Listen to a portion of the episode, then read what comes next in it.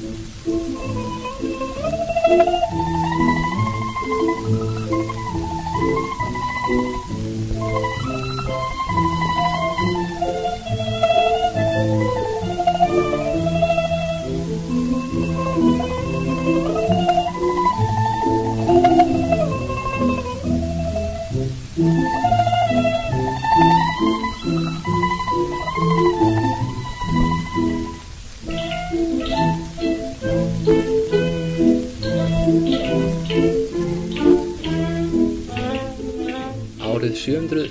752 lauk einum dýrustu framkvæmdum í sögu Japans.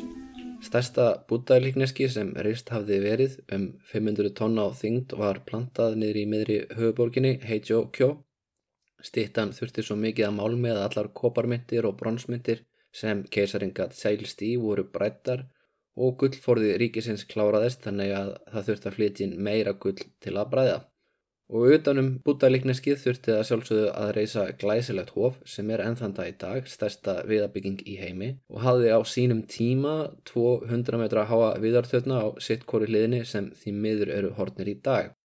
En þetta er og hefur verið stórfengleg bygging og eflaust erfitt að skilja fyrir okkur hvernig hinn venjulegi í Japani hefur síðana þá. Á þessum tíma voru flesti bændur reyndar ekki búttistar, það var elitan í landinu sem kunni kynversku og gatráði munka til að kenna sér galdraþulur sem áttu að tryggja þeim betra karma í næsta lífi. Bændurnir sem voru þyngaðir til þess að vinna að þessari byggingu, eh, þeir hljóta samt sem áður að hafa verið nokkuð imponeraðir þegar 10.000 munkar kyrjuðu á opnunarháttiðinu og 4.000 dansarar og tónlistamenn spiluðu undir. Eflaust hafa mjög margir fylst lotningu og kannski áttu við þessar stóru byggingar þátt í því að fleiri og fleiri japanir snýru sér að bútismannum síðar meir en eh, ég get valla trúið öðrun að mörgum hafi fundist þetta gríðarleg peningasóun. Sjómu keisari sem bar ábyrðina á þessari byggingu var ákafur bútisti, svo ákafur að hann og kona hans gengu í klöstur stuttu áður en byggingunni var lokið Sannfarðum að líkneskið af hennum kosmíska læknandi væru og kana búta myndi vaki við landinu þeirra og tryggja frið og stöðuleika. Sjómu held að vísu áfram að stýra landinu þó svo hann hefði sagt af sér. Þetta var það sem keisarar jú gerðu þegar þeir vildu raunverulega ráða. Þá letu þeir helgihaldið í hendurnar á einhverjum yngri og sáu um að reyka ríkið í nafni hans eða hennar. En Sjómu var fyrsti keisarin sem gerðist munkur fór með trúaleg heit og styrði landinu úr klöstri og hann verðist hafa verið raunverulega trúaður. Eitt af því sem hann gerði áður en hann drósi í hlýja ofinberla var að stopna heið svo kallega Kokubunji kerfi. Kokubunji kerfið snýrist um að tryggja að það eru starfandi hóf í hverjum landsluta og þar að auki tvö klöstur, eitt fyrir nunnur og eitt fyrir munka. Hugmyndin var svo að með slíkum aðgerðum mætti tryggja að annar bólusóttarfaraldur myndi aldrei aftur brjótast út. Og takið eftir hvað þetta er ólíkt því sem gekk á hundrað árum áður þegar lang, lang afar og langamur sjómu keisara voru við völd. Á þeim tíma gekk yfir fyrsti skráði bólusóttarfaraldurinn í sögu Japans sem náði að drepa tvo keisara og á þeim tíma kendi Nakatomi ættin, forföður Fujiwara ættirinnar, bútismannum um og nýttu þetta til þess að ráðast á nýreist hof og líkneski. En nú voru Fujiwara orðnir talsmenn þess að reysa sem flest bútísk hof og keisarin, hálfur Fujiwara og hálfur Yamato var ofutrúaður á að ef allir í landinu tækjum rétt að trú mætti komið í vekk fyrir annan bólusóttarferaldur og ímsar aðrar hörmungar. Og ég veit svo sem ekki með ykkur en nú þegar COVID-19 gengur yfir finnst mér auðveldar að setja mig í spór þessa fólks Á þessum tíma voru heil þúsund ári að Edvard Jenner tæki eftir því að mjöldarstúlkur fengu sjálfnar bólusótt en hefðu oft smitast af minna skadalegu afbreyðinar kúabólu og byrjaði að þróa bóluefni. Og orði bóluefni og bólusetningar kemur auðvitað frá bólusótt en vaccination á ennsku kemur úr franska eða latneska orðinu við belju eða vash. En reyndar eins og með svo margt annað þá voru Asíu þjóðunar á undan okkur með þessa uppfinningu því þó svo þau kemur ekki auga á tengsl kúabólu og bólusóttar þá áttuðu læknar í Kína sig á því á tíundu öld að hægt var að taka síni úr kílum utan á sjúklingum sem höfðu náð sér og smita með þeim til dæmis heilbriðböld og þó svo börnin létu mjög oft lífið eftir slíka aðgerð þá voru meiri líkur á að þeim myndir lifa slíkt af heldur en raunverulega bólusótt þegar hún gengi yfir. Sen sagt, kínverjar voru búin að átta sig á hjarð ónami nú þegar á tíundu öld en hvort Japanir hafi átta sig á því á áttundu öld finnst mér fyrir ekkar hæpið. Eina lausnin sem sjómu keisari virðist hafa komið auga á var að byggja til búta og Það er auðvöld að segja í dag að hvað var þessi sjómu að spá með því að reysa þetta líkneski, hann rústaði hagkjörunu, hann gerði ríkisitt basically gjaldróta. Tja, hann má nú segja að við séum nokkuð til í það í dag að rústa hagkjörunu út frá vísindarlegum kenningum. Sótvarna læknarnina sjómu voru bara ekki vísindamenn, þeir voru bútamonkar á borðið Bodhisena, Gyoki og Genbo, helgir menn og hámentaðir menn sem voru að vinna því að leysa ráðgóttur kosmósins með því að kyrja súturur og þýða helgiteksta úr sanskrit og höfðu ferðast í það sem voru svona ígildi helstu háskóla þess dag. Menna buddíski munkur bátið sena kom alla leið til Japans frá Suður Indlandi og hafði stútarað í Kína á, á leiðinni og þetta var maður sem var skrifaði og, og talaði um uppruna alemsins, hann læknaði í sjúka, gati þokkabótu, veitt einhvers konar uh, sálræna þerapíu fyrir þá sem voru uh, svona þunglindir eða eitthvað álíka. Þetta var svona eiginlega alhliða læknir og vísindamæður þannig að mér finnst við ekki geta útlokað eftir þennan faraldur sem notabenni drafnari alla ríkistjórn keisarans og hans helstu pólitísku ráðgjafa að eftir það hafi hann þjáðst af einhvers konar tráma ákveðið að draga sér hlið, fari í klustur, kyrja, einfalda lífsitt og fylga dóttu sinni meiri og meiri ábyrð sem var nú það sem hann gerði. Og og það er ekkert skrítið heldur að hann leiti til svona helgra manna. En Abe, dóttir hans, eða Kogen keisarinni eins og ég mun kalla hana í þessu laðurpi, var ekki unglam þegar hún settist í hásætið. Hún var 36 ára á gömul kona og var fullorðin um það leiti sem faraldurinn gekk yfir, en hennar viðbröð uh, við kynni sín við hverfuleika lífsins voru ekki að leita í sannleika hins uppljómaða heldur að partja. Kókan átti marga elskuga en hún giftist engum. Eh, við þurfum auðvitað að fara valega í að trúa öllum heimildum um drikkjusvall og karlafar því það getur verið að þeir sem tóku við völdum síðar hafi viljað sverta mannorðennar og, og eftir valdatíðennar var mikið gert þess að koma í vekk fyrir að önnur kona kæmist til valda þannig að það var mikill áróður haldin uppi gegn því að hvern menn fengu svona ábyrð aftur. En það er samt gaman af hugmyndinu um prinsessu sem djammar eins og það sé engin morgundagur og tekur sér nýja elskuga eftir hendisemi. Engin kallmaður við hyrðina hefði sagt nei við hana því að með því að sofa hjá keisareininu hefði það getað þýtt stöðuhækkun daginn eftir. Þetta kom sér ekki vel fyrir gamla liði sem þjónað hafði undir föðurinnar sem eitti núna sífælt meiri tíma í að kyrja og minni tíma í að fylgjast með hyrðinni og einn af þeim sem voru frekar reyðir yfir þessu svalli og ástandi var maður hann Tachibanan og Moroe, maður sem gengdi einhvers konar ráþeirarstöðu, við þurfum alltaf að fara að valega þegar við erum að þýða stöður eins og Udainin og, og Daijin og, og, og allt þetta, þetta eru náttúrulega ekki ráþeira ennbætti en, en svona ígildi þeirra, svona það sem kemst í næst. Uh, Moroe þessi af Tachibana ætt hafði verið ráðherra fyrir Sjómu og átti stóran þátti að segra uppreist Fujiwara no Hirotsugu í Kyushu árið 740 nokkuð sem ég talaði um í síðasta þætti á samt bólusóttar faraldrinum. Hann var núna orðin gammal maður og leist illa á unga liði sem hjekk utan á nýju kesareininu og fekk sífælt meiri og meiri ábyrð og veld í hendunar og sérstaklega var hann um illa við mann að nafni Fujiwara no Nakamaro. Fujiwara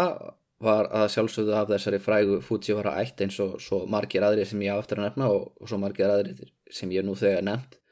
Uh, Fujiwara no Nakamaro var orðin einn af aðal elskugum keisara innjunar og þar með kominn með ráþurastöðum sem jafnvel hans eigin ættmörnum fannst hann ekki eiga fyllilega skilið á þessum tímapunkti.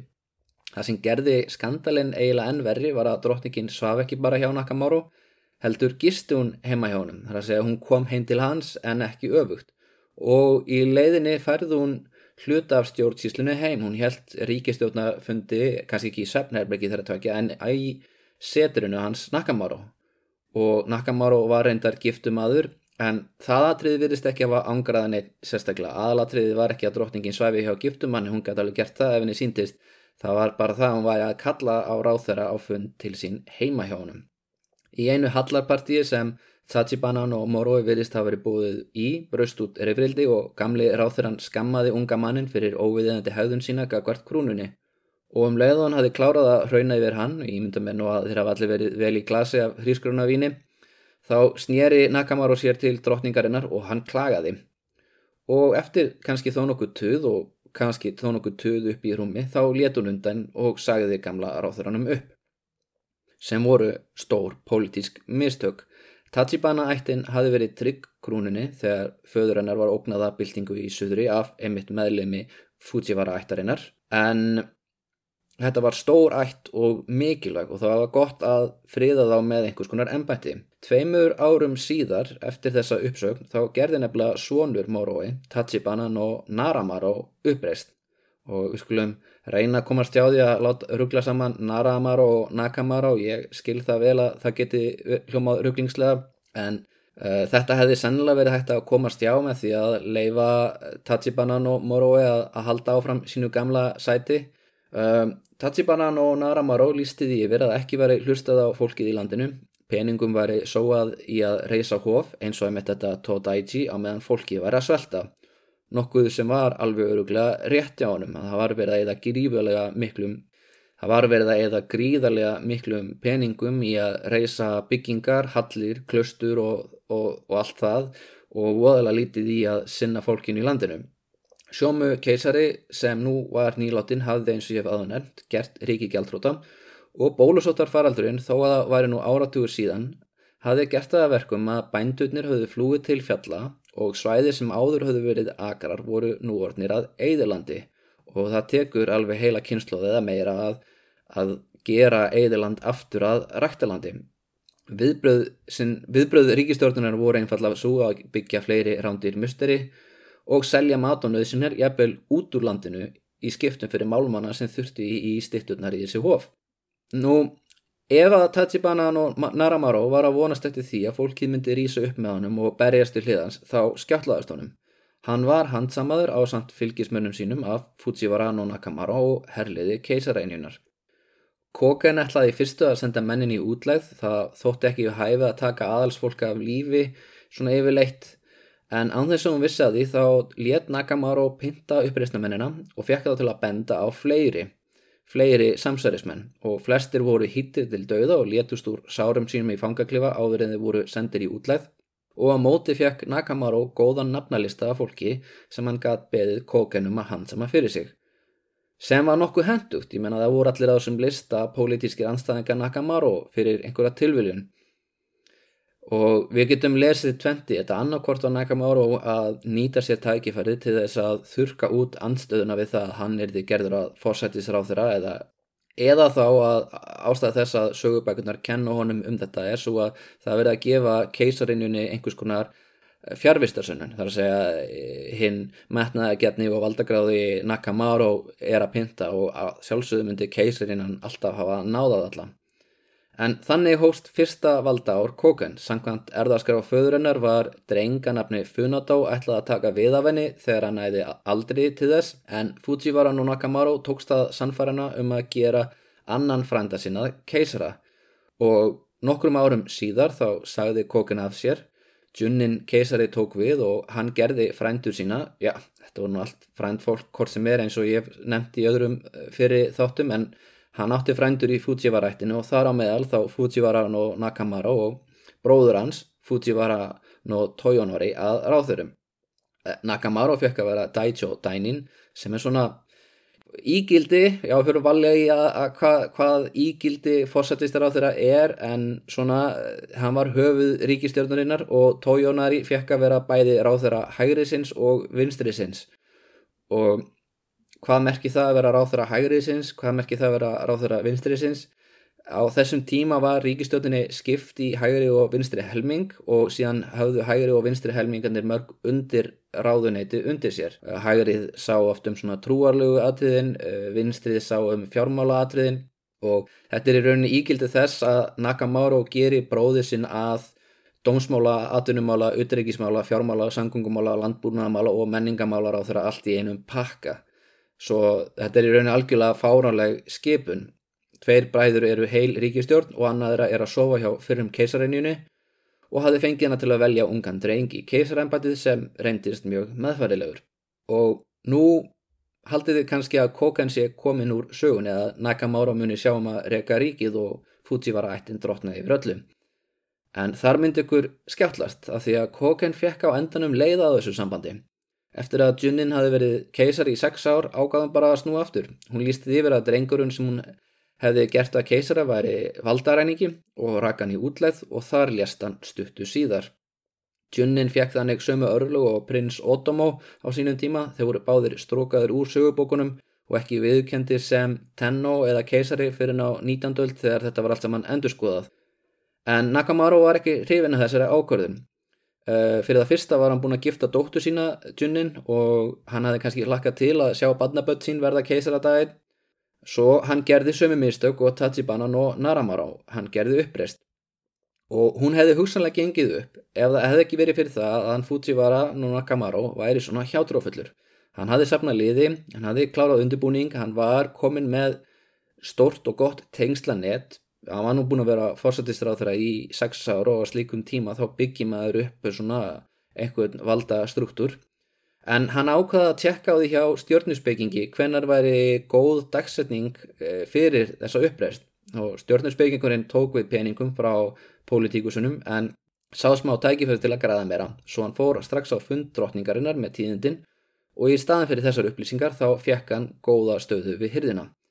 Koken náði því að koma fyrir melskuða sínum á óvart og í ljósi þess að stór hluti Fujiwara-ættarinnar stuttena þar á meðal bróðir Nakamoro, Toyonari, sem fekk að launum að vera ráð þeirra áfram og sannaði þar með málsáttin berir hverja baki nema bróður eigi nema bróðin hugsanlega hatið þig af því að hann hefur alltaf verið í skuggunum á þér og þrá ekkert meir en að sjá þig, eiginkoniðin og fjölskyldu innbyrða eitur Já, ég veit svo sem ekki hvort að Toyonori hafi viljað þá niðurstöðu en það var niðurstöðan. Nakamaro, uh, eiginkonans og börnans voru öll látin innbyrða eitur. Og Kogen sneri aftur í hásætið og í þetta sinn var hún með nýjan elskuða sem hún gerði, já, surprise, surprise, að fósætisráð þeirra. Hún hafði nefnilega vext á meðan hún tók sér hlið frá því að vera keisareinja og einn af læknunum hennar var læglugu munkur að nafni Dokyo. Þetta þótti gömlu aðalsættunum nextanlegt. Uh, aðal nexli var vor það að Dokyo var ekki af neittni af gamlu aðalsætunum, hann var algjört nobody. Fjölskyldans voru kannski ekki beinleis bændur eða verkamenn, þetta voru minniháttar landegundur sem höfðu haft efnaði að ráða kennara til að kenna sinni í svonum konfúsjanisma, lesa kínversku og sanskrít, allt sem maður þarf til þess að fá eh, að verða munkur við Todaichi og komast þannig í kynnu í japansku hyrðina, en hann var samt enga veginn sambóðinn keisarænjunni En hvað ætluðu þessar aðalsættir að gera í því? Já, ekki neitt, uh, sem er skiljanlegt. Á þessum tímapunkti var keisareinjan búin að bæla niður tvær valdaránstilunir og mjög örug í sessi. Hún gætt gert mennað fórsættisar á þrjum middaginn og svo tekið á lífi og alla fjölskyldu þeirra og alla nánustu vini daginn eftir.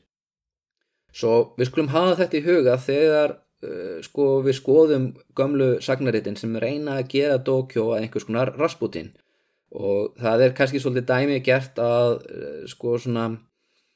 hvað er að segja sko ásetningurinn er ofta rændur af, af konum í hérna fornaldar sagfræðiritum, það eru stundum er, það, er þeim líst sem einhvers konar klækja kvendum en ofta er þeim líst sem leiksoppum karlana. En með, með, ég er efinsum það að Dokyo hafi verið uh, Rasputin, ég held að það sé í rauninni miklu frekar kóken sem er með tök á Dokyo þó svo þó svo að hann hafi óneitalega haft einhver áhrif á hann, hugsa ég.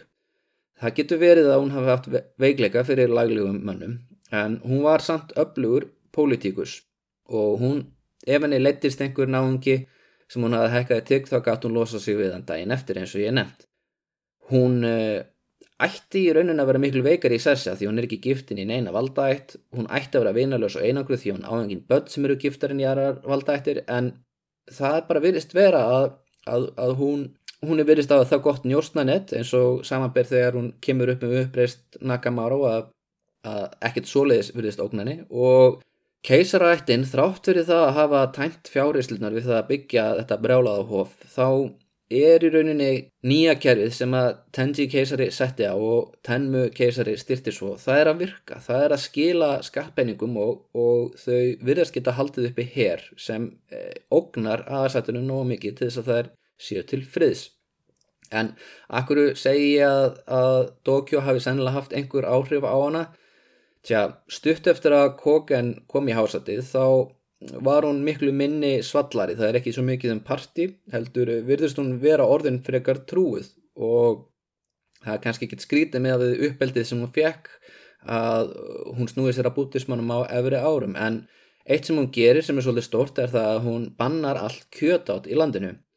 sem er svolítið rosalegt sko. Áður fyrir hefur langavennar tenmu takmarkað kjötátt við vissa mánuði ársins sem er raukstutt með vísunum í buddhisman en hún bannar algjörlega veiðar og sláturun og í staðinn þá hyggst hún útdeila hrísgrunum til allara þeirra sem áður livða veiðum eða voru kannski sjómenn eða eitthvað. Og þetta er sennilega innblásaða miklum trúar orsa allir munkar og nunnur sóruð þess heita leggja sér aldrei kjöt til munns. En þetta er land sem hefur oft áður og mun oft aftur verða á barmi hungusneðar En höfum líka í huga eitt, uh, það er ekki bara Dokyo sem hefur áhrif á kokken og ekki bara uh, buddhist uppeldennar, heldur er eitt af átrúnaðagóðum hennar keisarinjan Wu Zetian í Kína. Ólíkt Japan þá hefur Kína bara haft eina keisarinju. Vegna þess hversu mikla áherslu konfúsinismin leggur á að konur með ekki sitja á valdastól, þá ákvað Wu Zetian að styrkja buddhisman sérstaklega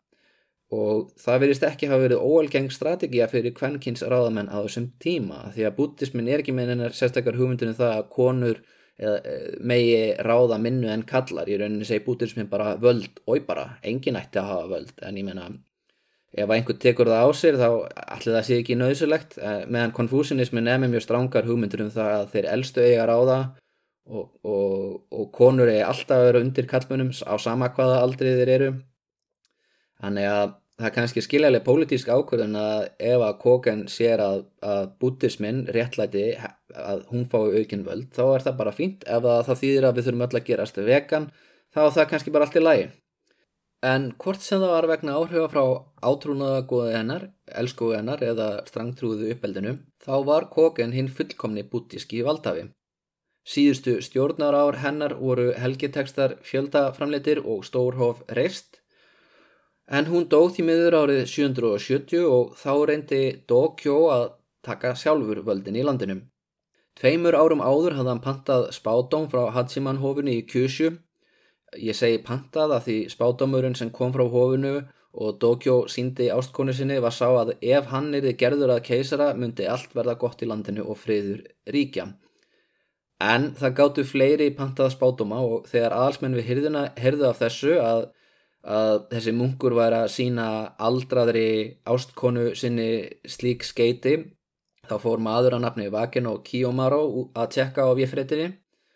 og hann gerði það og viti menn þegar Hachiman hóðinu bast önnur rausnarlega gjöf frá hýrðinni með óskum nýjansbátum þá komist prestarnir í þetta sinna þeirri niðurstöðu að Dokyo ætti alls ekki að vera útnæmtur erfengi koken því þá fari allt til anskotans Dokyo var á þessum tímbúndi orðin yfirhöfuð bútismans í Japan. Það er að segja að Kogan hafi búið til nýjan titilhandanum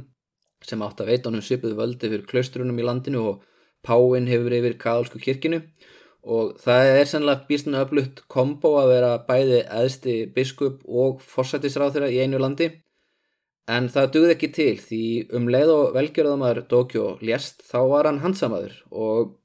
nei Hann var ekki tekinn af lífi, hann var látin laus aftur og hann var sendur í klaustur einhver starf út í raskatti og eftir það heyrum við ekkert mikið meira á hann og sem er svolítið skondið sko, þessi næst valdamesti eða valdamesti maður Japans, uh, hann lætur ekki lífið, hann er ekki út í bana fyrir ósýpni, hann er ekki hálsákvinn og það hljómar undarlega. En það meikar sens þegar við áttum okkur á því að Dokyo er jú helgur maður, hann er munkur, hann er uh, búin að sverja heit um að snerta ekki kjöt og já, reyndar skýrlífi líka en uh, hvað um það, ég, ég get svo sem ekki fullirt neitt um það að þau hefði sofið saman þó svo að, að það sé það sem sagnarreitin haldi fram. En aðalatriðið það að Dokyo er ekki að neittni ætt. Hann hefur enga hermenn engum hermennum yfir að ráða, það er keisarættin sem yfir hermennina og hann á einhverja bræður sem hafa hermenn í sinni þjónustu og hann er ekki gifturinn í neina aðalsætt sem getur skaffað herliði. Þannig að hann er með öðrum orðum alls engin okn og titlar hans eru einski svirði ef að drottningin stendur ekki við hliðin á honum. Og já, við heyrum ekkert meira af honum. Það er bara, hann eitti restina æfisin í að sópa gólfi í einhverju klaustri og let sig kannski dreymum þá tíma þegar hann var aðsti maður kirkjunar og aðsti maður eh, hægri og vinstri ráðunettana. En eh, lærdómurinn sem elitur Japans dróðu af þessu var eftirfæmdi. Konfúsius hafði rétt fyrir sér, konur ættu ekki að vera konungar og Koken varð þar með síðasta keisreinja Japans í 900 ár sem er skrítið í, í ljósi sögunar því að Á öldinni sem hún var uppi voru þrjár keisarainnir í röð á undan henni. Eftir að Koken dó þá tók frændi hennar konin við sem gerði fátt merkilegt. Hann var 62 ára þegar hann tók við völdum og hafði aldrei þótt neitt sérstaklega metnaðafullur en þá voru eiginkonur hans hins vegar. Aðal eiginkonans var ásökuð um svartagaldur af einni af, e, já það væri hægt að kalla þetta hjákonur en kannski til þess að vera skýrar eftir svona setni eiginkonur ekki aðal eiginkonur og þetta, þessi ásökun leytið til þess að hún og krónbyrjinsinn, sónurinnar, voru tekin af lífi. Og setni eiginkonan, Takano Nigasa, sem var, já, merkilegt nokk af kóreskri konungsætt, afkomandi aðalsfolks sem flúði frá Bekki á sjöndöld þegar kóruguskægin saminæðist, hún varð aðal eiginkonan og síðar varð sónurinnar Kanmu keisari og hann viðurkendi ættbálk móður sinnar sem frændfólk keisarættarinnar og leiði þeim að notast til konunglega titla sem verður að segjast er bara bísna rausnarlegt. En það er ekki eina merkilvæg kamu því að hann ákveður að flytja höfuborgina og þar með endar hið svo kallaða Nara tímabill. Og það reynist honum svolítið erfitt í fyrstu að flytja höfuborgina því að fyrsti staðurinn sem hann velur hendar mjög illa og í tíu ár er verið að reyna að byggja höfuborgina þar en Þetta er hættulegt flóðasvæði, þá koma líka þurkar og þó svo legan hafi talin gífulega gæfurík af einhverjum trúalegum eða svona hjátrúafullum ástæðum þá er þetta algjör hörmung. Að lokum þá hlustaði Kammu á einn af ráðurum sínum fyrir um sendibóðan Vakeno Kiyomaro sem þá var orðin gammal maður og valdi nýja staðsetningu fyrir Heiankjó eða höfuborg fríðarins. En að lókum langar með að segja hvernig uppreysnamaðurinn Tajibanan og Naramaro fekk uppreist æru. Því sónarsónur Kammu, Saga keisari, giftist Tajibanan og Kachiko, badnabadni uppreysnamaðsins og hún fekk það í gegna afennar Naramaro verðin áðaður og síðan var hann hækkar í tigg þannig að hann varði jafn stöðuhár og anstæðingur hans Fujiwara no Nakamaro sem náttúrulega sjálfsögðu misti alla sína dilla. Hann er á endanum var það ekki Nagamaro heldur Naramaro sem fekk ákomundu sínu í hásætið. En í næsta þetti þá hefst heian tímabilið og eins og ávalt takk fyrir hlustunina.